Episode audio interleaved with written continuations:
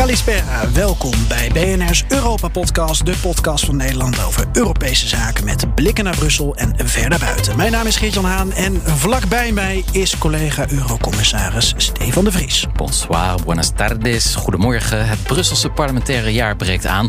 Een parlementair seizoen waarbij de schermen hopelijk weer wat meer naar de achtergrond verdwijnen. De Europa-podcast. En de plannen naar de voorgrond. We flexibilized our European funds and state aid rules, authorizing more than 3 trillion euro in support to companies and industry. Ja, 3 trillion. Er is een boel werk te doen voor de Europese Commissie, het Europees Parlement en de vertegenwoordigers, vertegenwoordigers van de lidstaten in de Raad. Er is natuurlijk ook heel veel geld mee gemoeid. De Green Deal, migratie, de rechtsstaat, de transferunie. Het zijn hete hangijzers waar Brussel zich al polderend, wikkend en wegend weer doorheen zal werken. From fishermen in Croatia to farmers in Greece, from SMEs in Italy to freelancers in Denmark. Ja, we beschouwen het uh, Europees parlementaire jaar voor met de jongste Nederlandse Europarlementariërs. Thijs Reuten van de fractie Sociaaldemocraten en Michiel Hoogveen van de fractie Europese Conservatieven en Hervormers namens jaar 21. Waar kijken zij naar uit en wat zijn hun speerpunten? Je luistert dus naar de Europa-podcast. We maken ook wekelijks een radio-uitzending op de ouderwetse FM. Elke woensdagavond kun je naar ons luisteren tussen 7 en half 8. En luister je naar onze podcast via bnr.nl. Heel goed, maar je kunt ons ook vinden op de BNR-app of in je eigen favoriete podcastplayer. Zoek ons op Europa Podcast. Verder werpen we straks nog even een blik op de Bondsdagbarometer. We pakken het Brusselse nieuws van deze week mee. En we sluiten onze uitzending altijd af met onze eigen Europese hitparade.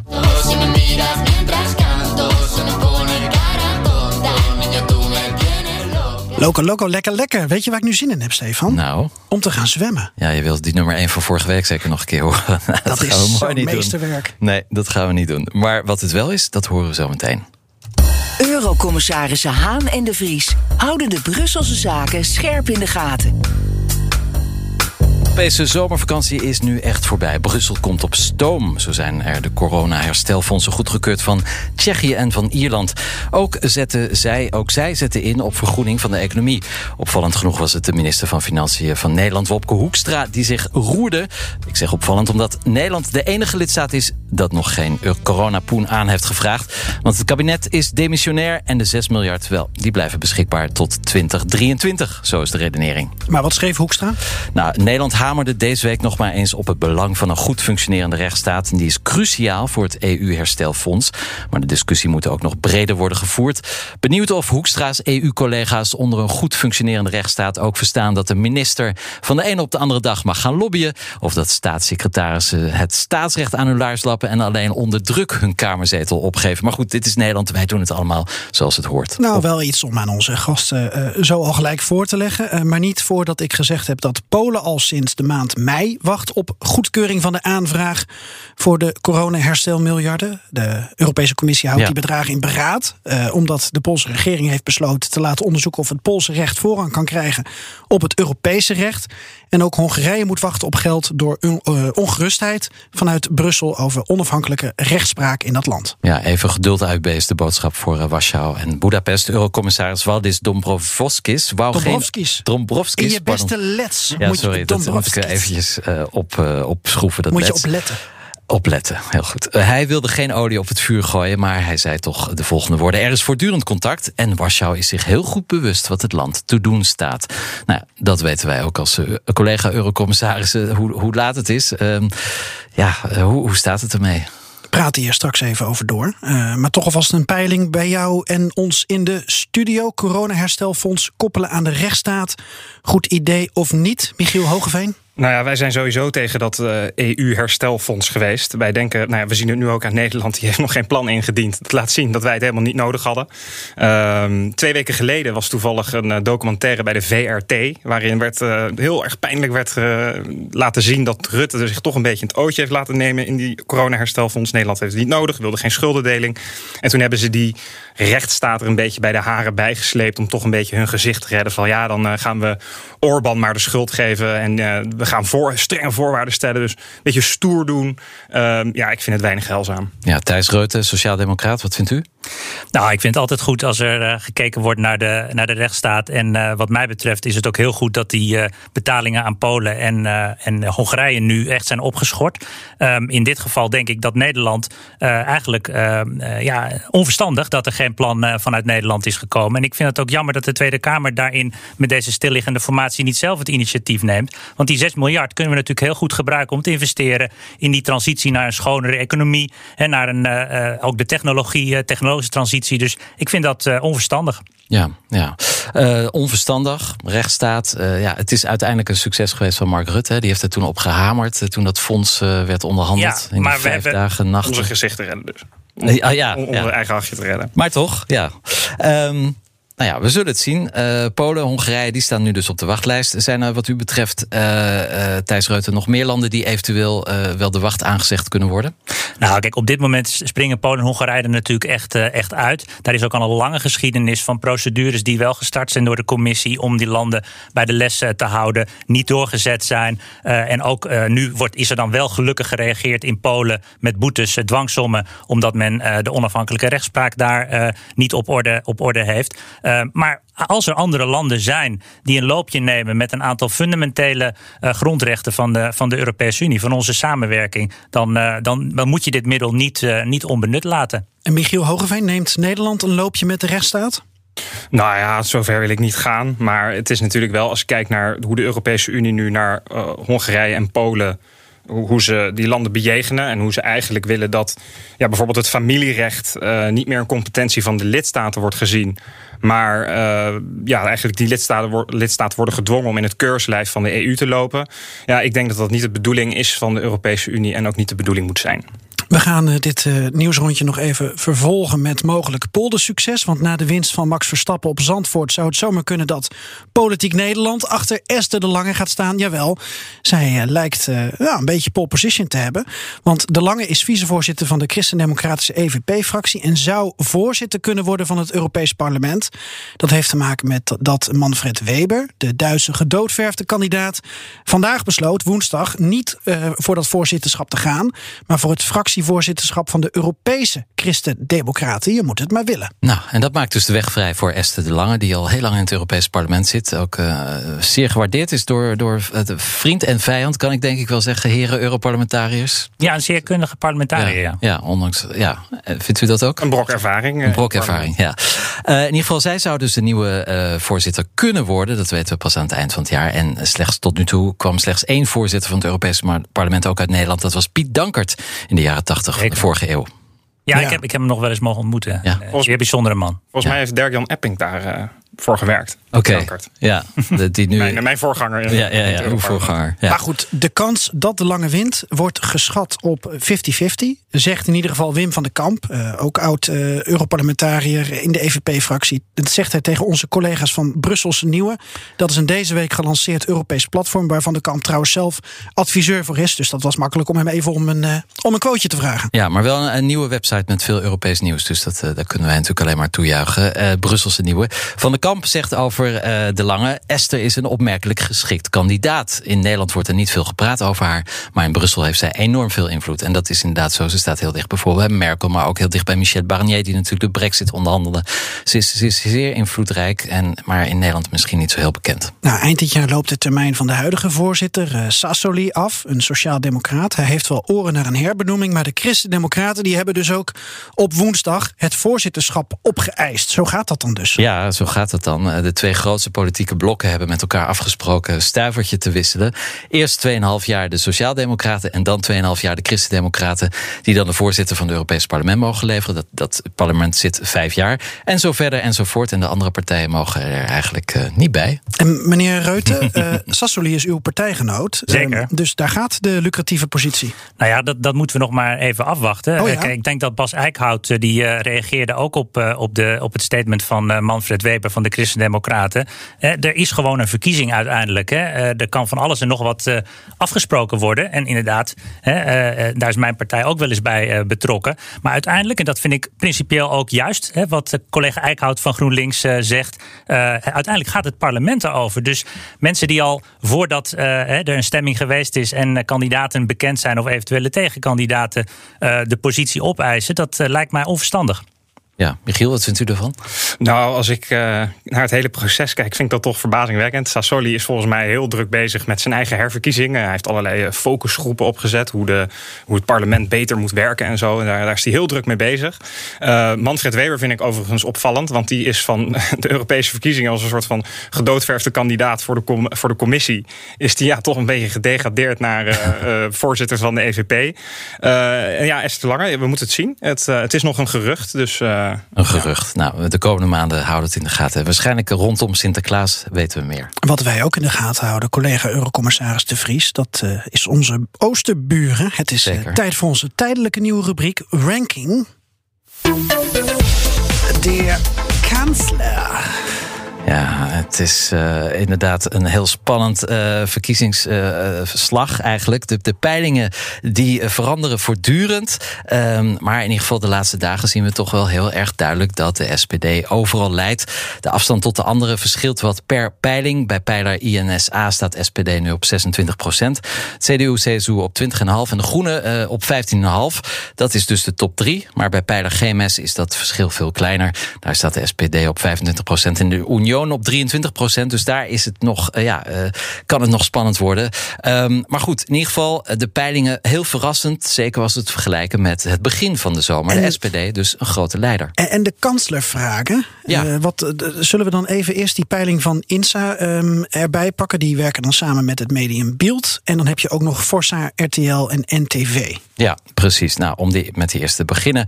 Uh, Scholz staat op 42 procent. Dus dit is de vraag: wie moet er volgens u de nieuwe bondskanselier worden? Opvolger van Angela Merkel. Scholz, uh, Scholz 42 procent. En daarna ver achter de opvolgster, de kroonprins sorry, van, van Angela Merkel, Laschet, Amin Laschet, staat maar op 16 procent. 16 procent? Ja, ja, dat, dat is, alsof hij op een waddeneiland zit en Scholz al bovenop een Beierse berg. Ja, absoluut. Ja, zeker. En bij de andere peiling, Forza, RTL en NTV, zitten ze iets dichter bij elkaar. Maar toch, Scholz leidt daar met 30 procent en Laschet op 9 procent. Beerbock van de Groene, Groene doet het nog best wel oké okay met 15 procent. Maar ja, als we de peiling moeten geloven, niet dat we dat vaak doen, maar toch, dan is Scholz de gedoodverfde nieuwe bondskanselier. Een heel ander beeld dan een paar maanden geleden. En ja, dan Geert-Jan, aan jou nog de vraag: hoe zit het met de EU-elefant?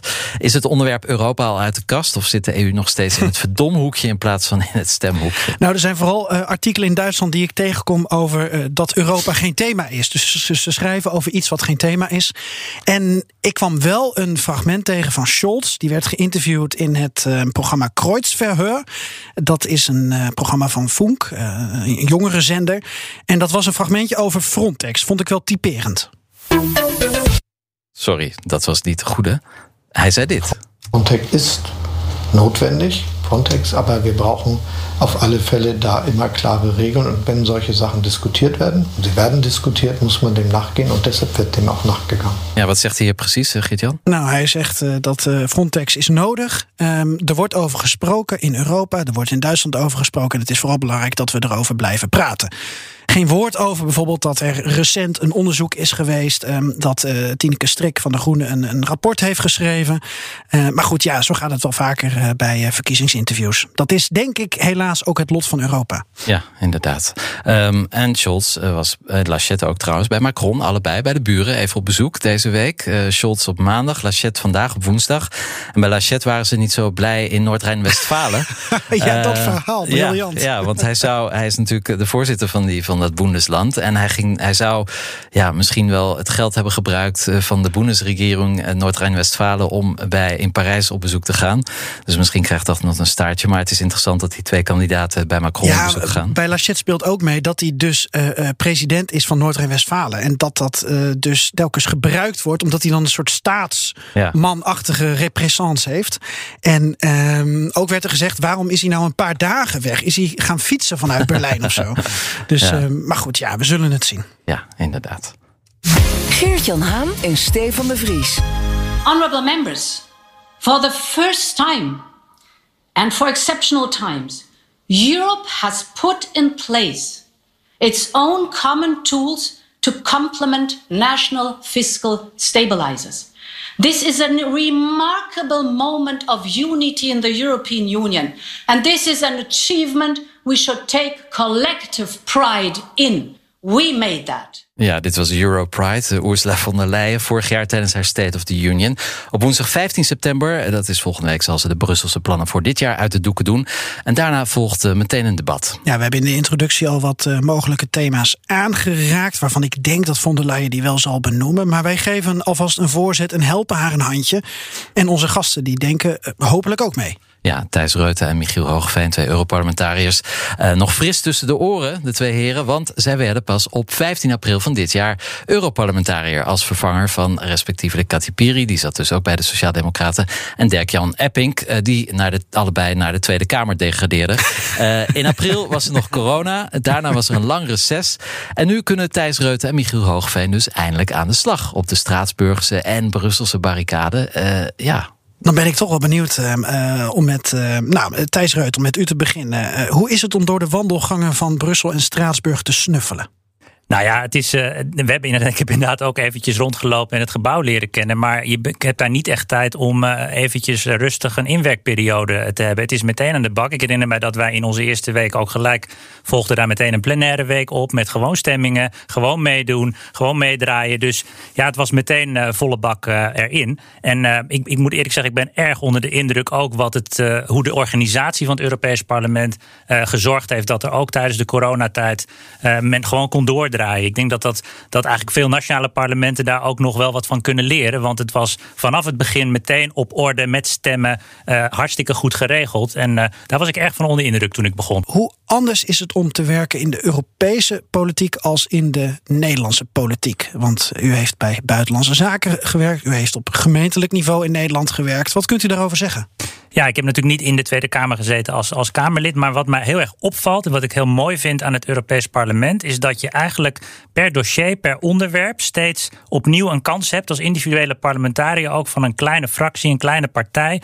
Om je inbreng te hebben, om invloed te hebben. En als je dat goed doet en als je daar kundig op bent. en ook ja, met, met, met feiten, met argumenten komt. dan kun je echt iets bereiken. En dat komt omdat er natuurlijk veel minder dan in de Haagse politiek. en zelfs ook in, uh, in, in de lokale politiek. misschien wel een druk is van coalities. Hè? En, en dat vind ik een heel mooi iets. En ik denk ook dat daar echt iets van geleerd kan worden. Ik denk ook dat we als Europees Parlement dat beter moeten uitleggen. Wat we daar nou eigenlijk doen. En waarom het ook zo'n ja, ook wel mooi uh, democratisch proces is wat daar uiteindelijk plaatsvindt. Ja, En, en Michiel Hoogveen, de eerste schreden in uh, ja, Europa. Ik, ik, ik, liep er al een tijdje rond, want ik was uh, adviseur voor Dirk-Jan Epping na de Europese verkiezingen. Dus ik, ik liep er al een kleine twee jaar rond. Uh, over de organisatie, dat kan ik beamen. Uh, maar dat is wel alleen als Europarlementariër. Want ik was dan assistent. Ja. En dan is het vechten tegen de bureaucratie. Ja. En als je iets gedaan wil krijgen, dan uh, moet je lobbyen en ja. zeuren en sleuren. maar zodra je de Europarlementariër badge hebt, dan word je op je wenken bediend. Ja, dus u heeft al wat ervaring in de, in de slagvelden als, als, als voedsoldaat eigenlijk. Ja, ik had, ik had uh, toevallig uh, vorige week een nieuwe assistent. En die moest zijn uh, IT op orde krijgen. En die was daar een hele dag mee bezig. En toen kwam ik dinsdag. Toen zei hij, kan je me alsjeblieft helpen? En ah. toen was het binnen 10 minuten geregeld. Dus dat, Heel goed, nog geen capsones. van. U hebt ervaring in de loopgraven van het Europees Parlement als, als politieke assistent. Nu moet u het zelf doen. Ja. Hoe, hoe gaat het? Nou, dat is toch wel als je als, als je als assistent daar rondloopt, dan is het uh, vechten tegen de bureaucratie. Je moet echt zelf uh, dingen voor elkaar krijgen. Je moet lobbyen, je moet sleuren, je moet uh, je IT snel voor elkaar krijgen. En als je de Europarlementariër binnenkomt, dan wordt alles heel snel voor je geregeld. Je hebt een eigen ingang, je hebt een eigen koffiebar. Je hebt een, dus dat, ja, dat, voelt wel, dat voelt dan wel gek om, om ineens die stap te maken. Ja. ik ben het wel met collega Reuten eens. Het is, het is een enorme eer om te doen. En um, ik vind ook, en dat is vooral ook wat ik nu merk, is dat toch um, ja, we beter moeten uitleggen en uh, beter aan de mensen ook moeten brengen wat er in het Europees Parlement gebeurt, wat onze toegevoegde waarde kan zijn um, en waar wij ons voornamelijk mee bezighouden. Ja. En dat is een, uiteindelijk een ontzettend uh, leuke, maar ook belangrijke taak. Uh, die voor heel veel mensen nog niet even duidelijk is. En nee. dat vind ik jammer. Ja, hoe komt dat? Is dat uh, uw schuld, onze schuld als journalisten? Ik denk, ik denk dat het een, een, een wisselwerking is. We zien wel dat het aantal correspondenten in Brussel uh, terugloopt. Ja. het aantal vaste correspondenten. Dus er is ook gewoon um, ja, toch weinig media coverage. De reden daarachter is ook weer omdat Brussel uh, en Straatsburg voor veel mensen ver weg staat. Uh, ja. Een journalist moet vaak zijn nieuwsitem eerst beginnen met wat is de commissie, wat is de raad, ja. wat doet het parlement. Nou, dan is de helft van zijn item al weg. dus het is niet, niet sexy. Uh, dus ik denk dat er ook een stukje, een stukje onderwijs bij komt kijken. Dat mensen als je aan een, een gemiddeld persoon op de straat vraagt: wat is de Tweede Kamer, wat is het kabinet? Dat ze ook weten wat de commissie, de raad en, en het parlement is. Ja, ja Thijs Reuten? Ja, nou ja, aan jullie, uh, de BNR-eurocommissarissen, ligt het zeker niet. Uh, maar uh, ja, ik denk dat het belangrijk is. En dan kijk ik in de eerste plaats ook altijd wel weer naar de politici zelf en naar onszelf. dat wij inderdaad ook laten zien dat we inderdaad uiteindelijk na verkiezingen daar ook heen gaan om samen te werken. Om samen, hè, ondanks de politieke verschillen, de Europese Commissie te controleren. De lidstaten ook bij de les te houden. In het belang van onze kiezers, van de, van de, van de Europese burgers. En dat kan heel goed, ondanks de verschillen. Maar dan hebben we wel meer van dit soort programma's nodig. En meneer uh, Hogeveen, uh, u schetst al een beeld uh, van ja, privileges Mhm. als je Europarlementariër bent. Ik neem aan dat u ook nu steeds meer recepties en uitnodigingen daarvoor krijgt. Ineens bent u overal welkom. Nu u geen assistent meer bent, Ja. maar een volwaardig Europarlementariër. Is dat ook te overzien? Of word je in Brussel en Straatsburg soms ook al te veel geleefd? Uh, nou, dat viel nog wel mee. Uh, het was wel toen je, je komt binnen, je kan meteen aan de slag. Er wordt ook niks uitgelegd. Het is gewoon, uh, je bent verwelkomd. Je wordt ook niet beëdigd, je wordt verwelkomd. En dan, ja, dan word je gewoon het diep ingegooid. Ga maar zwemmen. Ja. dus ja, je wordt wel in die zin geleefd. Maar het was coronatijd. En ja. toch een beetje wel in de nasleep ervan. Ik heb het hartstikke druk gehad. Maar het was ook allemaal remote. En er gingen bepaalde dingen weer niet door. Recepties mochten niet. Ik had gisteren toevallig mijn eerste receptie. Dat was bij de ambassade van van Japan. Oh. Uh, dat was wel erg leuk. Uh, om, om weer gewoon, ja, dat je een beetje kan netwerken. En, Dan had collega De Vries wel mee willen gaan. Ja, want dat is de grootste Japanofiel die je kent. Kijk, kijk, kijk. Ja, maar trouwens vind ik wel interessant, afgezien van mijn uh, Japanliefde, maar dat dus Japan kennelijk wel belang in ziet van, van, de, van, de, van de banden met u. Maar uh, zien wij dat in Europa wel eigenlijk? Dat, dat de buitenstanders ons meer zien als, als blok of als unie dan nou, zelf misschien? Wat, wat je wel ziet is natuurlijk dat um, de Europese Unie, en dat is ook wat wij als jaar 21 ook zeggen, de kracht van de Europese Unie ligt in de gemeenschappelijke markt. En als ik dan uh, met de Japanse ambassadeur sprak of met, met zijn beleidsmedewerkers, dat ja, die Europese gemeenschappelijke markt, dat is gewoon een ontzettend interessant uh, gegeven voor, voor, voor de Japanners. Um, en voor Europa een enorm belangrijk geopolitiek wapen. Uh, dus ik denk vooral dat, dat, dat, ja, dat, dat we daarop moeten inzetten. Dat we dat belang ook beter moeten uitleggen aan, aan, aan, nou ja, goed, aan, aan Ja. de kiezers, journalisten, et cetera. Dat, uh, Maar, maar, maar het is waar natuurlijk. Hè? Eh, we kijken zelf soms nog wel eens een beetje met enige eh, ja, valse bescheidenheid eigenlijk naar Europa. Wat, wat we met elkaar als samenwerkende lidstaten, maar ook als Europese Unie op het wereldtoneel voorstellen. Omdat er verder buiten Europa natuurlijk echt wel rekening gehouden wordt. Met name op dat handelspunt. Hè, daar heeft Europa een ijzersterke positie. Die wat mij betreft ook benut moet worden om inderdaad andere dingen voor elkaar te krijgen. Maar los daarvan denk ik dat we best ook die bescheidenheid af en toe een beetje mogen laten varen. En daar ook een klein beetje meer uh, ja, ons rekenschap van geven. Dat er van, van buitenaf echt gekeken wordt naar Europa als een factor om rekening mee te houden. Vive l'Europe. Long live Europe. Lang lebe Europa.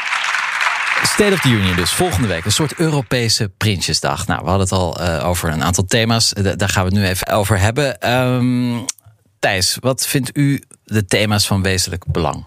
Ja, ik denk dat de commissie, uh, Ursula von der Leyen, in ieder geval uh, zal moeten spreken over uh, Afghanistan. Over wat Europa's verantwoordelijkheid daarin is. Ook als het gaat om hoe wij nu in Europa praten over de vluchtelingen in Afghanistan. Ik heb me daar ontzettend aan geërgerd. En ik verwacht dat de commissie een stap naar voren doet. En ook moreel leiderschap uh, daarin uh, pakt. Hè, in plaats van de oren te laten hangen naar uh, nou ja, wat ik noemde makelaars in angst. Daarnaast hoop ik zeker op aandacht, forse aandacht voor de rechtsstaat. Voor wat er inderdaad bijzonder in Polen en Hongarije gebeurt. Met de vrijheid van de media, de vrijheid van, uh, van de rechtspraak, de onafhankelijke rechtspraak in Polen. En natuurlijk het uh, klimaat uh, niet te vergeten. ik denk dat Europa daarin een leidende rol heeft en ook moet blijven hebben om aan te jagen, maar ook om te laten zien dat het niet allemaal slecht nieuws is. Er is heel veel te, te bereiken. We kunnen ook met elkaar heel veel doen. En ik wil ook graag dat we, en met name de commissie ook wat dat betreft een beetje uitstraalt. Jongens, we kunnen dit. En we mogen ook wel een beetje trots zijn op wat er in Europa nu klaar ligt. Als het gaat om een klimaatwet, als het gaat om een aantal belangrijke pakketten om Europa uh, het herstel door te slepen. En ook naar die, naar die klimaatneutrale continent wat we willen worden. Ja, Michiel Hogeveen, we kunnen dit. Wat, wat kun, kan Europa volgens u? Wat zijn volgens u de belangrijkste onderwerpen in haar speech volgende week? Of wat, waar de EU zich echt mee bezig moet gaan houden? Nou, laat, laat, laat, ik eerst beginnen dat ik de State of the Union, dat vind ik ook wel weer zo pretentieus. Dat is, de EU wil weer een beetje landje spelen. Ronald Plasterk had er laatst een prachtige column over. Dat je allerlei symboliek hebt. Ze willen badges op sportkleding. En Mag ik daar één vraag e over stellen, meneer Hogeveen? De EU moet ophouden landje te spelen. En dat is zo'n State of the Union is daar weer zo'n voordeel, zo'n voorbeeld van, denk ik. maar de staat van de Unie is toch behoorlijk relevant? Ja, maar dat is dan weer gestolen van de Verenigde Staten. En dan ja. noem, noem, het gewoon een, een, een, een parlementaire speech of, of, of, iets dergelijks. Nou, heel even een interruptie, meneer Hogeveen. Want het is toch ook in, in, in um, uh, ons allerbelang uh, dat wij begrijpen uh, hoe Brussel functioneert. En wat dat betreft is het misschien een beetje een, eh, een, een modetermpje, State of the Union. Ehm, maar als het werkt, want uh, u en collega Reuten staan nu hier om erover te praten, dan is er toch niks mis mee. Nee, absoluut. En er zijn ook een aantal onderwerpen wat, uh, wat mij zeker aan het hart gaat, ook vanuit mijn dossier. Mhm. Uh, ik zit in de Economische en Monetaire Commissie en ik denk dat dat het allerbelangrijkste is wat voor de mensen thuis die nu ook luisteren, dat, dat, dat Ursula von der Leyen noemt dat een economy that works for the people. Mhm. Nou, ik moet dat nog maar gaan zien, want uh, ik denk dat er een hele hoop op ons afkomt. Ik denk dat er vanuit het beleid van, van Brussel, maar ook vanuit Frankfurt, het, ja, dat, dat is totaal niet in het belang van uh, heel veel Nederlanders. Dus ik, ik denk dat we echt een hele lastige tijd tegemoet gaan. Uh, ik kan het later natuurlijk ook wel even uitleggen. Maar ik denk dat dat ook te maken heeft met de fundamenten onder de Europese economie en de monetaire unie. Uh, dus ik denk dat dat echt het belangrijkste gaat zijn. Ik denk dat we echt die discussie nu moeten gaan voeren voordat er um, een correctie op de markten komt of een, of een economische crisis. Want dan is het te laat. Ja, Thijs Reuten, een reactie op, op het thema transferunie, ECB, geld. Nou ja, kijk, natuurlijk is, is het, hè, het eh, zorgen voor stabiliteit, ook monetaire stabiliteit, enorm belangrijk. En ik vind het ook heel interessant om ook van een uh, collega die uh, vanuit een andere politieke invalshoek daarnaar kijkt, om ook te horen hoe hij er tegenaan kijkt. Dat is uiteindelijk ook wat we moeten doen. Ook onze taak is om uiteindelijk te kijken waar, liggen, waar ligt de ruimte vanuit onze verschillende politieke invalshoeken. Ik ben heel erg voor, voor die samenwerking. Ik ben ook heel erg voor solidariteit, ook met landen die, een, die een, er minder goed voor, voor staan. Daar kun je discussies over hebben. Maar ik vind het heel goed en interessant ook om, uh, om te horen hoe iemand die in een andere commissie zit, met andere dossiers bezig is, daar ook uh, mee bezig is. Michiel Hogeveen, is er een thema waarvan u zegt dat krijgt doorgaans uh, te weinig aandacht. En daar wil ik wel voor op die barricade? Uh, ja, dat is toch. Um, vanuit het Europees Parlement heb je ook een. een, een, een nou, de, de, Europese Centrale Bank is onafhankelijk, maar wij controleren op een bepaalde manier toch mm -hmm. hoe de Europese Centrale Bank opereert. En ik denk toch dat het beleid en de gevolgen van het beleid vanuit Frankfurt uh, dusdanig negatief zijn voor Nederlanders dat dat onderbelicht is. We hebben het bijvoorbeeld over het woontekort. Nou, het is al aangetoond dat een fysiek woontekort niet eens per se aan de orde is. Dat is niet historisch hoog of iets dergelijks, maar dat heeft alles te maken met het rent, lage rentebeleid en het opkoop, schuldopkoopbeleid van de Europese Centrale Bank. Waarom doen ze dat? Omdat de schuld van Italië, Griekenland, Spanje uh, behoudbaar moet blijven. Ja. ja. wacht even, meneer Hogeveen, want u gaat vrij snel nu. U schreef ook deze zomer hier trouwens een opiniestuk over, onder meer gepubliceerd op de Post Online. Uh mhm. -huh. En daar schrijft u ook: de wortel van het woningprobleem ligt bij de Europese Centrale Bank. Ja. Kunt u uitleggen waarom u deze koppeling maakt? Nou, we zijn in Nederland vooral bezig met het woningtekort. En dan wordt er gezegd bouwen, bouwen, bouwen veel van mijn generatiegenoten zitten gewoon muurvast op die woningmarkt. De ja. prijzen die gaan door het dak. Uh, maar bijvoorbeeld we zien ook dat de aandelenmarkten door het dak gaan. En er komt op een gegeven moment een correctie. Maar goed, terug naar die woningmarkt. Er wordt gekeken uh, naar waarom stijgen die woningprijzen? Ja, dat komt niet door een fysiek tekort. Dat is ook aangetoond door uh, Pieter, Hein, van, Mulligen van het uh, hoofdeconoom van het CB, uh, CBS. Die heeft aangetoond dat het fysieke woningtekort niet eens zozeer historisch hoog is. En waarom, is er wel, waarom, zijn wel, waarom is er wel zo'n huizenbubbel aan het ontstaan? En dat komt door het beleid van de Europese Centrale Bank, door die lage rentes. Waarom hebben ze die lage rentes? Christine Lagarde, voorzitter van de Europese Centrale Bank, zegt tegen mij: ja, we moeten een, een economische crisis zien te voorkomen vanuit corona. Nou, we zien nu dat de economie aantrekt. We zien dat de inflatie omhoog gaat. Uh, we zien nu al dat de inflatie op uh, 3% zit in de eurozone. In sommige Duitse deelstaten gaan we al richting de 4%. En um, wat we nu zien is dat dus aan de ene kant mensen niet kunnen sparen. De spaarrentes zijn laag, inflatie is hoog, dus je geld verdampt. Als je niet kan sparen, kan je ook moeilijk die huizenmarkt op mensen die wel geld hebben denken, ja, wat moet ik met mijn geld? Uh, het rendeert niet. Nou, dan ga ik maar in het vastgoed, want uh, well, housing prices always go up. En zo ontstaat er dus een hele ongezonde dynamiek in uh, de Nederlandse economie, in de Europese economie. Ja. Duitsland zie je ook huisprijzen record na record vestigen. En ik maak me daar echt heel erg zorgen over. Want we, aan de ene kant zien we nu ook dat, dat generaties worden uh, ja, van hun toekomstdroom wordt, wordt ontnomen. En aan de andere kant ben ik ook heel erg bang dat we weer een, uh, een correctie tegemoet gaan. Waarbij mensen weer onder water zitten met hun hypotheek. Ja, maar dan maakt de huis weer goedkoper. Dus dat is weer een oplossing. Ja, maar goed, dan, dat, het, het, mensenleed wat daar aan de grondslag ligt, dat, uh, dat, ja. dat voorkom ik graag. Thijs Reuten, de ECB, is de veroorzaker van de woningcrisis in Nederland? Ja, ik, Zit daar iets in? Ik denk, ik denk dat het ietsje kort door de bocht is om het één op één aan elkaar te koppelen. Ik denk dat er ook echt in Nederland, in de huizenmarkt in Nederland, dat zie je ook wel als je die weer vergelijkt. Als je ook bijvoorbeeld de, de commerciële huursector in, uh, in Wenen en in Berlijn, ook steden met veel druk op de woningmarkt, die is daar echt veel steviger aan banden gelegd qua, qua huurprijzen. Hè. En dat heeft natuurlijk ook een relatie met de koopmarkt. Dus ik denk wel dat er echt veel meer fundamentele dingen, niet vergeet niet ook de ruime hypotheekrenteaftrek, die nu gelukkig afgebouwd wordt in ja. Nederland. Maar dat zijn allemaal factoren die ook meespelen. Ja. ja, het is natuurlijk zo dat de lage rente een belangrijke factor is. Maar uh, die lage rente is er ook in bijvoorbeeld de VS, ja. in het VK. Ja. Uh, daar hebben ze niet te maken met de structurele problemen van de eurozone. Klopt. Um, dus het is lastig misschien om het zo één op één te koppelen, meneer Hogeveen. Ja, dat, dat, is inderdaad een argument wat ik vaak hoor. En, maar daar bent u het niet mee eens? Nou, we zien bijvoorbeeld in Nieuw-Zeeland, daar, is de, de huizen, daar zijn de huizenprijzen nog meer door het dak aan het schieten.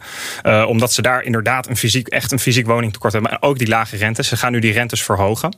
Uh, we zien dat in de Verenigde Staten de Federal Reserve ook al heeft gezegd... als die inflatie echt uit de klauwen giert, wat nu dreigt te gebeuren, 5,4 procent uh, laatste cijfers, uh, dan gaan we ook de rente verhogen. Wat is nou uh, het probleem van de eurozone? Van het, dus, dus in die zin ook de ECB. Als wij die rente verhogen, dus als dat nodig is, als er een correctie komt, dan gaat, komt Italië in de problemen. Als zij een, uh, dat staat dan ook in mijn opiniestuk, als die rente te snel en te hard stijgt, dan worden de schulden van Italië, gaan ze in plaats van okay. 0,66%, gaan ze 5% betalen misschien wel. Nou, dan gaat het land failliet. Ja, dat is een interessant punt, meneer Hogeveen. Daar kunnen we ook zo even met, met meneer Reuten over door, omdat, uh, ja, meneer Reuten, u bent half Italiaans. Betekent niet dat u dan overal verstand van hoeft te hebben. Nee, maar zeg. Om, om, om een, van pizza misschien. Maar om een klein beetje gas terug te nemen, even um, dat gesprek dat meneer Hogeveen had met Christine Lagarde. Misschien goed om even de reactie van Lagarde in twee delen te laten horen. Want dan heeft de luisteraar ook even weer in balans waar dit over gaat. En dan kunnen we daarna door met het punt Italië. Uh, het eerste deel van de reactie van Lagarde op de vraag van meneer Hogeveen. An area uh, where the side effects of monetary policy may potentially show up. Residential real estate prices continued to grow steadily during the pandemic. And while there are no strong signs of a credit fueled housing bubble in the euro area as a whole, residential real estate vulnerabilities have built up in some countries in recent years. And in some cities in particular in those countries. Nou, hier is het nog wel redelijk volgens mij met uw analyse eens, meneer Hogeveen. Ja. Even het tweede deel. At the same time, the disconnect between housing prices and broader economic developments during the pandemic entails the risk of price corrections. This risk depends to a large extent on the economic recovery path and the aftermath of the policy support withdrawal. And in this context, macroprudential policy needs to be designed carefully to address country specific risks and strike the right balance between preventing further build-up of vulnerabilities. Ja, hier geeft uh, Lagarde aan dat je risico's um, kunt indammen. Ook na corona. Um, maar dat er altijd risico's zijn. En als je uh, ziet hoe snel economieën uh, na corona zijn hersteld, dan, dan vroeg ik me af. Dan kun je daar toch ook een beetje vertrouwen in hebben in, in hoe het beleid nu is vanuit de ECB. Uh, laten we het even aankijken. Maar daar bent u het dus niet mee eens. Nou ja, als ik, dit, als ik deze analyse van haar hoor, dan heeft ze het heel veel over could, might. Um, ja, ja, maar ik, dat is economie, meneer Hogeveen. Ja, maar goed, het is, het is wel een onverantwoord gokbeleid. En ik vind, uh, ja, het is niet de Europese casinobank. Het is de Europese Centrale Bank. En zij moeten zorgen voor prijsstabiliteit. En, en, en als je op deze manier omgaat met, um, met de economieën van, van de eurozone lidstaten, dan vraag ik me af, ja, wat gebeurt er dan als er een correctie komt? En dat is dus hetgene waar ik me zorgen over maak, is dat de tools die de Europese Centrale Bank heeft om in te grijpen in die economie als het fout gaat, die zijn op. Want die rente rentes zijn al laag. En vaak worden dan de, wordt de rentes verlaagd als het, het, economisch minder gaat. Want gaan mensen meer besteden en lenen. En ehm, het enige wat ik zie gebeuren en dat, daar maak ik me zorgen om, is dat als er een correctie komt of een crisis uitbreekt, dat alle uh, lidstaten gaan zeggen: ja, uh, we hebben geen tools meer. De enige tool die we nog hebben is, jawel, een begrotingsunie. Ja. En dan gaan we dus de schulden delen. En dat hebben we al gedaan met het Next Generation EU Fonds. Dat is al een, een mooie opmaat naar die, uh, naar die begrotingsunie. Een hele kleine opmaat. Hè? Het gaat om heel weinig geld. Relatief. Nou ja, kijk, ze zeggen het is een tijdelijk, uh, een tijdelijk instrument, maar niets is zo. Uh, uh, permanent of tijdelijk in Brussel. Dus wat dat betreft, uh, ja, ik, dus, dus, dus en, en als die begrotingsunie er is, ja, dan volgende week is Prinsjesdag in Nederland. Ja, dan wordt het een hele overzichtelijke Prinsjesdag ieder jaar voor koning Willem-Alexander. Dan leest hij zijn troonrede op. Uh, leden van de Staten-Generaal, ik verwijs u graag naar Brussel. Ja, maar is, het niet, is het niet andersom? Want de ECB is natuurlijk onafhankelijk. Maar de ECB en Christine Lagarde doen alleen maar wat de lidstaten haar hebben opgedragen. Ze hebben een mandaat. Moeten we dan dat mandaat misschien veranderen? Zit daar niet het probleem? Nou, ik denk dat we een fundamentele discussie moeten gaan voeren over de opzet van de eurozone. De toekomst van de eurozone. En we moeten nu dus die discussie gaan voeren. Willen wij naar een begrotingsunie? Willen wij een transferunie vervolmaken? En als we die discussie nu niet voeren, dan wordt het gevoerd als het te laat is, want dan moet het gebeuren. Dus ik zeg, laten we die discussie nu voeren. Hoe zien wij de eurozone voor ons en hoe zien we de toekomst voor ons? Nou, die pak ik op. Laten we die discussie nu even, althans een klein beetje, voeren. Thijs Reuten. Ja, nee, ik, ik denk dat dus. Hè, ik, ik heb waardering ook voor de manier waarop hè, collega Hogeveen ook in die details is gedoken. En ook heeft gekeken naar die relatie met die woningmarkt. Om dat nog even af te maken. Maar ik zou hem hier dan willen bedienen eigenlijk. En zeggen: volgens mij is dit nou bij uitstek een probleem waar de Nederlandse regering, het nieuwe regeerakkoord, morgen iets aan kan doen. Door inderdaad gewoon steviger in te grijpen. Zowel in de commerciële huurmarkt, de vrije sector, maar ook in de koopmarkt. Dus ik denk dat dit nou bij uitstek zo'n onderwerp is waar we misschien niet iets meer minder naar Brussel en naar Frankfurt zouden moeten kijken. En dan over die transferunie. Kijk, ik ben erg voor solidariteit, ook met lidstaten die op dit moment in zwaar weer zitten of zaten. En ik denk dat dat ook inderdaad, wat, wat, wat, wat jij ook zegt, heel beperkt is. Wat er tot nu toe gedaan is aan, aan schuldentransfers. Maar ik sluit niet uit dat er op enig moment, en dat is ook in het belang van Nederland. Het is ook in het belang van Nederland dat landen als Italië en Spanje niet omvallen. Want als er eentje struikelt, dan vallen we uiteindelijk uh, allemaal. Het is ook in het belang van Nederland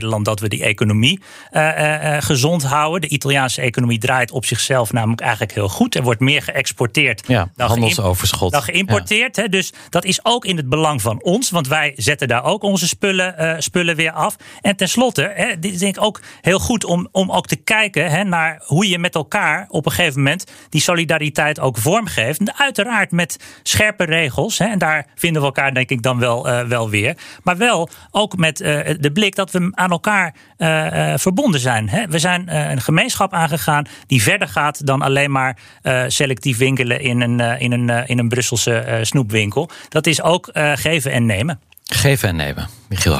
Ja, kijk, daar ben ik het op zich wel mee eens. Ik, wij, zijn natuurlijk als Nederland zijn wij een handelsland. Wij voeren producten door vanuit de haven van Rotterdam, vanuit Schiphol. Dus ik begrijp die, die, uh, dat narratief ook wel. Maar daarmee ga je voorbij aan de euro, aan de eurozone. En wat we zien is dat een, een gemeenschappelijke markt heeft in feite geen gemeenschappelijke munt nodig. Um, als Italië zijn munt, zijn eigen munt zou kunnen devalueren, dan zouden ze nog veel groter handelsoverschot hebben. En dan zouden ze ook op hun eigen manier hun, hun economisch beleid kunnen maken, wat speciaal tailor-made is voor de Italiaanse economie. En wat we nu aan het doen zijn, is dat we zeggen: ja, de Italiaanse economie, ze moeten hervormen, ze moeten bepaalde maatregelen nemen, maar die economie is daar helemaal niet op gebouwd. Het politieke wil is er vaak ook niet. Dus dan, dus dan vraag ik me af, ja, wat, waarom gieten wij onszelf in een monetair keurslijf, terwijl onze economieën zo complementair aan elkaar zijn als we in die gemeenschappelijke markt zitten? Nou, misschien omdat er toch nog iets, een spreek een beetje de advocaat van duivel, iets van idealen zitten in de, nou ja, en, Europese Unie. En dan komen we terug bij de discussie, wat is de EU en wat zou het moeten zijn? En dat is toch omdat de euro wordt gezien ook als een politieke munt, als een geopolitiek wapen tegen de dollar, tegen de, de Chinese munt. En dat is natuurlijk ook een argument uh, wat ik wel begrijp.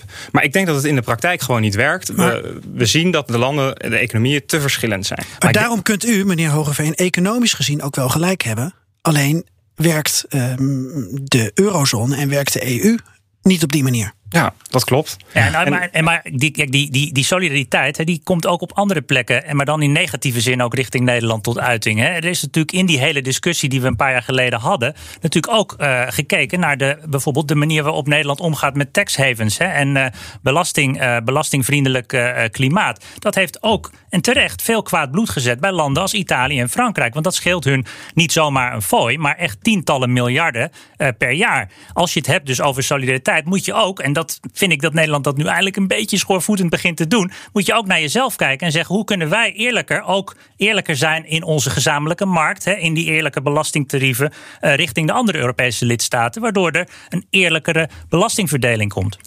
Laten we even terugkeren naar wat er volgende week op het programma ja. staat: de State of the Union. Nou, dit misschien ook wel. Dit misschien ook. De Staat van de Unie, die eigenlijk niet zo mag heten, volgens Michiel Hoogveen.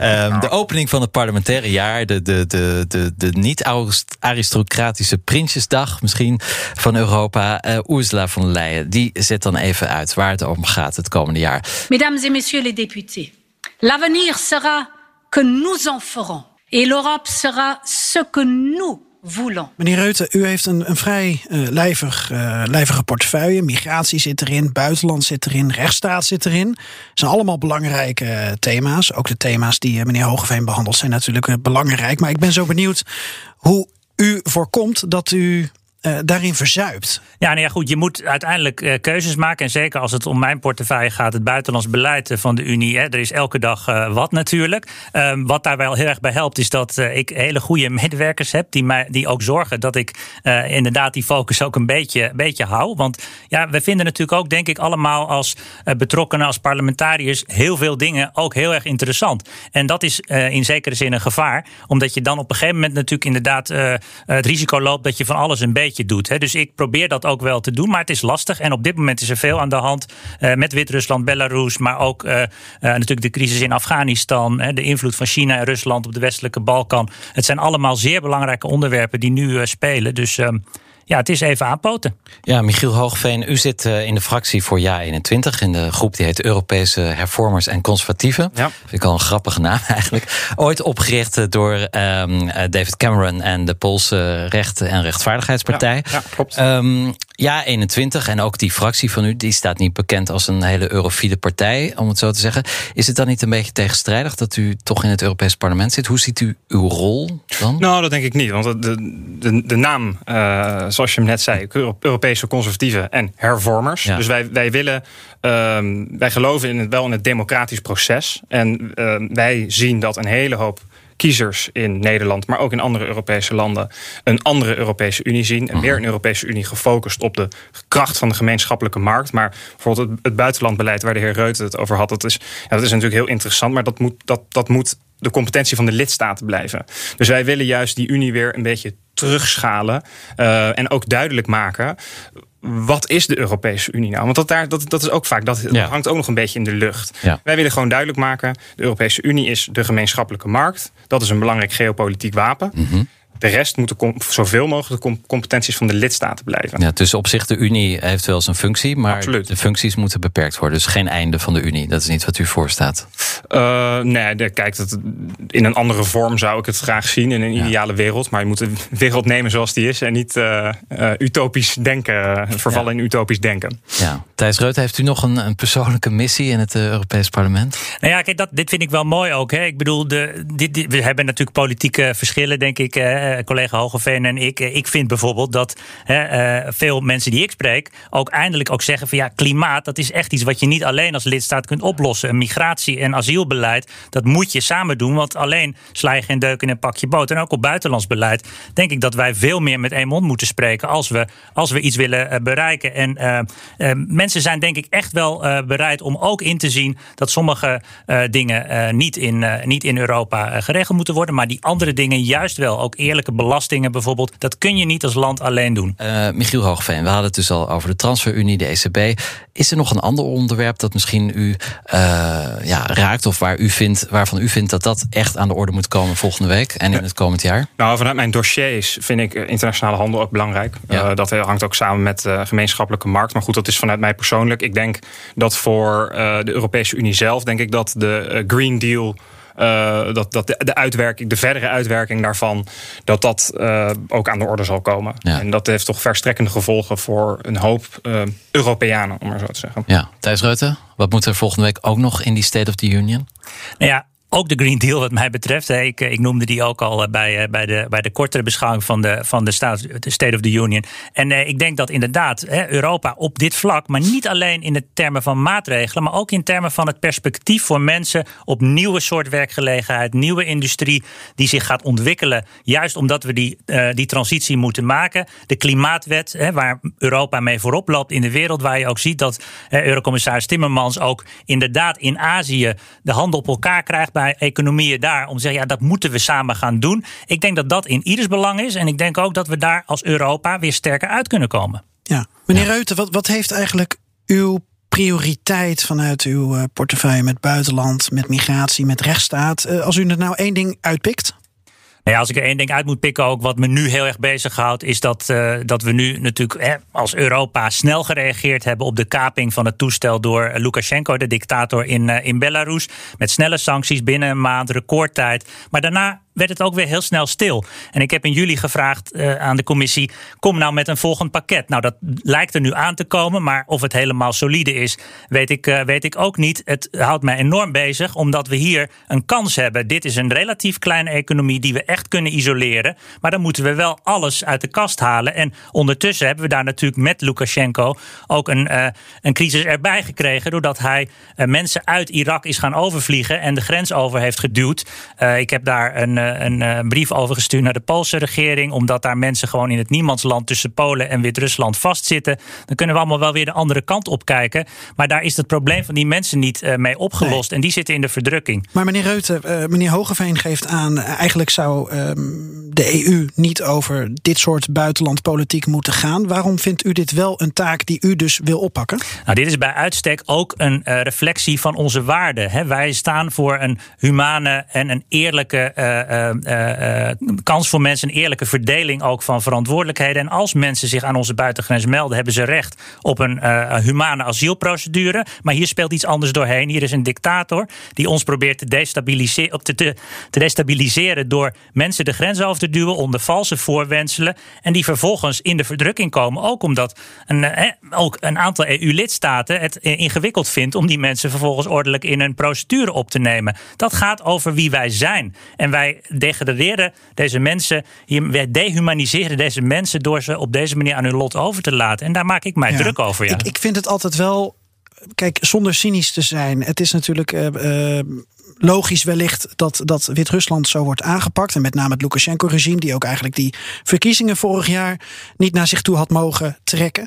Maar is het niet zo dat we nu met z'n allen op Wit-Rusland duiken, terwijl grotere buurlanden als Rusland en China uh, altijd overal maar mee wegkomen. Misschien omdat daar geen consensus over is. En dan heb je toch een vrij beperkt buitenlandbeleid dat je voert? Nou ja, ik hou mij uh, bezig met wat ik noem het virus van de autocratisering. Wat wild om zich heen grijpt binnen de EU-grenzen helaas. Uh, maar ook buiten de EU-grenzen. Er is tal van copycat-gedrag. leiders die elkaar inspireren met allerlei ja, tactiekjes. En ook Rusland, inderdaad. Ik maak mij ook heel veel zorgen en bemoei me ook aan tegen het stelselmatig vastzetten van journalisten. Van mensen die ook maar een kleine kans maken om Poetin in de verkiezingen te bedreigen. Poetin heeft nog nooit iemand verslagen bij de stembus. Dat doet hij altijd daarvoor. Nou, ik vind dat uh, iets waar we als Europese Unie zeker iets van mogen zeggen. Maar we moeten natuurlijk ook uh, kijken wat uh, de Russen uiteindelijk zelf doen. Ja, Michiel Hogeveen, in uw partij, de Europese Conservatieven en Hervormers, het grootste deel daarvan zijn Polen ja. van, de, van de partij Recht en Rechtvaardigheid. Deelt u de, met hen of hoort u van hen ook de vrees voor Rusland? Of, of bent u zelf misschien een Rusland-liefhebber? Nou, nou zo, is er een. zo wil ik het niet zeggen. Uh, nee, we zien wel dat, dat de, de, de, de, de Polen in onze fractie die zijn, um, die zijn zeer angstig. Of ja. in ieder geval zeer angstig, zeer be, bezorgd. bezorgd om de ontwikkeling van Rusland. En we zien ook dat Rusland zich steeds meer buiten haar eigen landsgrenzen bevindt. Niet fysiek, maar op, in de digitale wereld. Uh, met fake news, met inderdaad het destabiliseren van, van onze politieke processen. En, en die zorgen deel ik ook wel. Dat vind ik, dat vind ik ook absoluut iets wat we moeten aankaarten. Tegelijkertijd zeg ik wel, ook als we het hebben over Lukashenko. Uh, als we het hebben over andere regimes. Ja, kijk, ik, ik, ik geloof heel erg in soevereiniteit van landen. Dus, dus ja, landen moeten toch voor zoveel mogelijk zelf beslissen hoe ze hun interne aangelegenheden regelen. Ook als zolang ze, misschien een gevaar vormen. voor zo, zolang ze zich maar niet buiten hun land, landsgrenzen bevinden. En wat we zagen bij eh, de vliegtuigkaping door Lukashenko, dat, dat was buiten de landsgrenzen. Ja. En dat hebben wij als jaar 21 ook veroordeeld, hebben we die sancties ook gesteund. Ehm, maar ik wil wel ja, voorzichtig zijn in, het, eh, in, in, in, die interne processen in andere landen, me daar te veel mee te bemoeien. Want ja, dan ga je ook al heel snel weer op een glijdende schaal richting het triggeren van misschien wel een regime change. En dan destabiliseer je de boel misschien nog wel meer. Dus daar wil ik graag van wegblijven. eh, en dat zou de EU denk ik ook moet- moeten doen. Laatste woord aan Thijs Reuten. Nou, nee, ik ben, ik ben heel, eh, ook heel trots op het feit dat wij als Europese Unie niet alleen ons beperken tot daarover spreken en daarover praten, maar ook iets doen. Er gaat veel geld, en dat, dat geef ik toe, eh, ook naar het ondersteunen van de civil society, van democratische organisaties die democratie proberen te bevorderen. Dat vind ik ook niet dat dat moet gebeuren vanuit wij gaan jullie uitleggen hoe het moet. Maar juist door mensen in die landen zelf te stimuleren en te ondersteunen. Mensen die de rechtsstaat, eh, de corruptie willen bestrijden in hun eigen land. Dat doen we al jaren. En dat levert ook echt iets op. Ook buiten de Europese Unie. Dus ik denk dat het goed is om daarmee door te gaan. Ja, Ik heb nog een gedachte. Geert-Jan. Ja, ik had hier namelijk niet eh, van tevoren over nagedacht. Maar omdat meneer Hogeveen met jaar 21 inderdaad in dezelfde fractie zit als eh, de Poolse PiS. ehm, dan zou er best wel eigenlijk over Wit-Rusland enige consensus kunnen zijn. Dat zie je natuurlijk ook wel breed gedeeld in het eh, Europees Parlement. Maar, maar tussen de heer Reuten en eh, de heer Hogeveen, ook als je kijkt naar bijvoorbeeld het migratievraagstuk, waarbij eh, meneer Hogeveen, als ik zo vrij mag zijn om dat even in mijn woorden te vatten, u natuurlijk liever niet mensen van buiten de Unie eh, in de Unie ziet en ook niet richting Nederland ziet gaan. En waarbij meneer Reuten het eigenlijk eh, meer vanuit humaan oogpunt ook sowieso niet vindt hoe Wit-Rusland momenteel Irakezen, Congolezen, Cameroenezen importeert om ze vervolgens de EU in te duwen. Dus wat dat betreft, nou, we hebben toch wat bereikt. Kijk. Of analyseer ik dit helemaal verkeerd? Nou, ik denk wel inderdaad dat, dat eh, de manier hoe, hoe eh, regimes aan de buitengrenzen van, eh, van, van, van de EU, wat we ook hebben gezien bijvoorbeeld met Erdogan, een soort van chantagepolitiek. ja, als, als jullie gemeen tegen mij doen, dan stuur ik een vloot vluchtelingen op jullie af. Nou, ik denk dat dat, dat dat inderdaad onwenselijk is. Ik denk dat wij wel iets andere oplossingen hebben. Ik zeg, sluit de buitengrenzen hermetisch en zorg dat er überhaupt niemand binnenkomt. Dan hoef je ook niet eh, zaken te doen met dat soort regimes en afhankelijk daarvan te zijn. Ehm, dus ja, zo staan wij erin. Ja, nou, genoeg om te bespreken. Ook volgende week in de State of the Union, de Staat van de Unie, door Ursula von Leyen. Komen we nog op terug in de uitzending van volgende week. Eh, woensdagavond zijn we er dus weer bij BNR eh, om, half, eh, om zeven uur tussen zeven en half acht. Ik dank u nu, heren. Nog heel even erbij blijven, meneer Hogeveen en meneer Reuten. Want we willen toch graag even horen wat u vindt van eh, Europese muziek van, de, van het allerhoogste niveau. De nummer 1 in. Want zoals iedere aflevering besluiten we met de Europese Hoogcultuur. De meest beluisterde muziek in een van de lidstaten. Nou, vorige week, ik heb me laten vertellen dat ook eh, u naar de aflevering heeft geluisterd. Hebben we genoten van. Mart Hoogkamer. Haute Chambre, zoals ik hem ook wel noem. Dat die naam eh, nooit meer mogen vallen in onze podcast. bij deze mislukt. Zullen we kijken waar we nu naartoe gaan, Stefan? ja, laten we dat doen.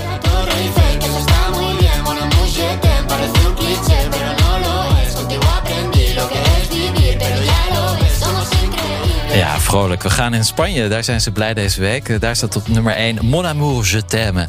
Een liefdesverklaring aan jou, Geert-Jan, maar eigenlijk ook aan onze luisteraars in, in vloeiend Frans-Spaans van het duo Zoilo en Aitana. Is dat dan Baskisch? Als Eh, het Frans-Spaans is? Een goede vraag. Maar Aitana is wel een beetje Baskisch. Ja, daar heeft er niks mee te maken. eh. Ja, Maar in ieder geval, deze week op één. Ik weet niet of in Baskeland dit ook op één staat deze week. Maar ehm, in ieder geval, je kunt het hele nummer horen als je het eh, mooi vindt. Hè? In onze playlist op Spotify. Want daar staat alle muziek. eh, BNR Europa. Even zoeken op BNR Europa nummer 1. En eh, ik zie aan de statistieken dat steeds meer luisteraars dat doen. Dus kennelijk raken we toch een gevoelige snaar met onze euro eh. Ja. De link staat ook in de show notes. Meneer Reuten, ehm, we hebben deze keer geen Italiaans nummer gekozen. U bent half Italiaans. Moeten we vaker naar Italië kijken? Nou, sowieso. Daar hebben ze echt een, eh, een, een muziekcultuur hè, in, eh, in de eigen taal. Maar ik vind het ook sowieso leuk dat jullie die playlist hebben. Omdat we in ieder geval dan een soort gemeenschappelijke verzameling van muziek hebben. Als Ja. eh, Europese landen. Hè. Nu nog eh, gemeenschappelijke televisieuitzendingen. hè, Europese uitzendingen waar we allemaal ook dezelfde nieuwsberichten volgen. Maar dit is een mooi begin. Aan Ja. ons zal het niet liggen. En ter geruststelling van meneer Hogeveen, muziek van buiten de EU komt er absoluut niet in. Kijk, kijk, kijk. Nou, ik ben wel blij dat jullie dit liedje lieten horen. Want ik ga dit weekend eh, naar, vlieg ik naar Barcelona. Eh is een nazomerweekendje. En dan vind ik het wel fijn dat ik weet dat dit de nummer Ja, 1 hit Kunt is. u misschien indruk maken op de locals? dus, eh, Ik weet ik- ik- dankzij jullie ga ik goed voorbereid op reis. Nou, is BNR Europa toch nog ergens eh, goed voor. Een lange versie met nog veel meer Europese achtergronden van deze uitzending is er eh, dus altijd als podcast op bnr.nl. We zijn er ook gewoon op de FM, heel ouderwets, iedere week. Eh, heel leuk en live. En natuurlijk op alle bekende podcastplatforms. Ja, dank voor het luisteren. Volgende week weer als podcast. En natuurlijk ook op woensdagavond horen. Hoewel, Stefan, dat geldt voor jou, maar niet voor mij. Want Nee, ik ga gaat heerlijk vakantie. met vakantie. Slim om dat in september te doen. Ik weet nog niet of ik meneer Hogeveen achterna vlieg. Hoewel Barcelona wel aanlokkelijk klinkt. Vlieg. Je gaat toch met de trein? Je bent toch een treinen-nerd? Zeker. Ehm, Oh, nu ja. versprak je. nou, je mag het over drie weken vertellen waar je was, want dan ben je weer terug. Nee, ik ben Eh, er ook nog bij bij, de, bij onze speciale Precies, dat wil ik net zeggen. Dat is over twee weken. Eh, in Berlijn zijn we Ja. dan. Daar ben je erbij. Ja, Dat daar ben ik er zeker Verheug ik bij. me nu al op. Wordt heel leuk. In ieder geval, eh, fijne vakantie Geert-Jan. En voor de luisteraars, à la prochaine. Ajeto.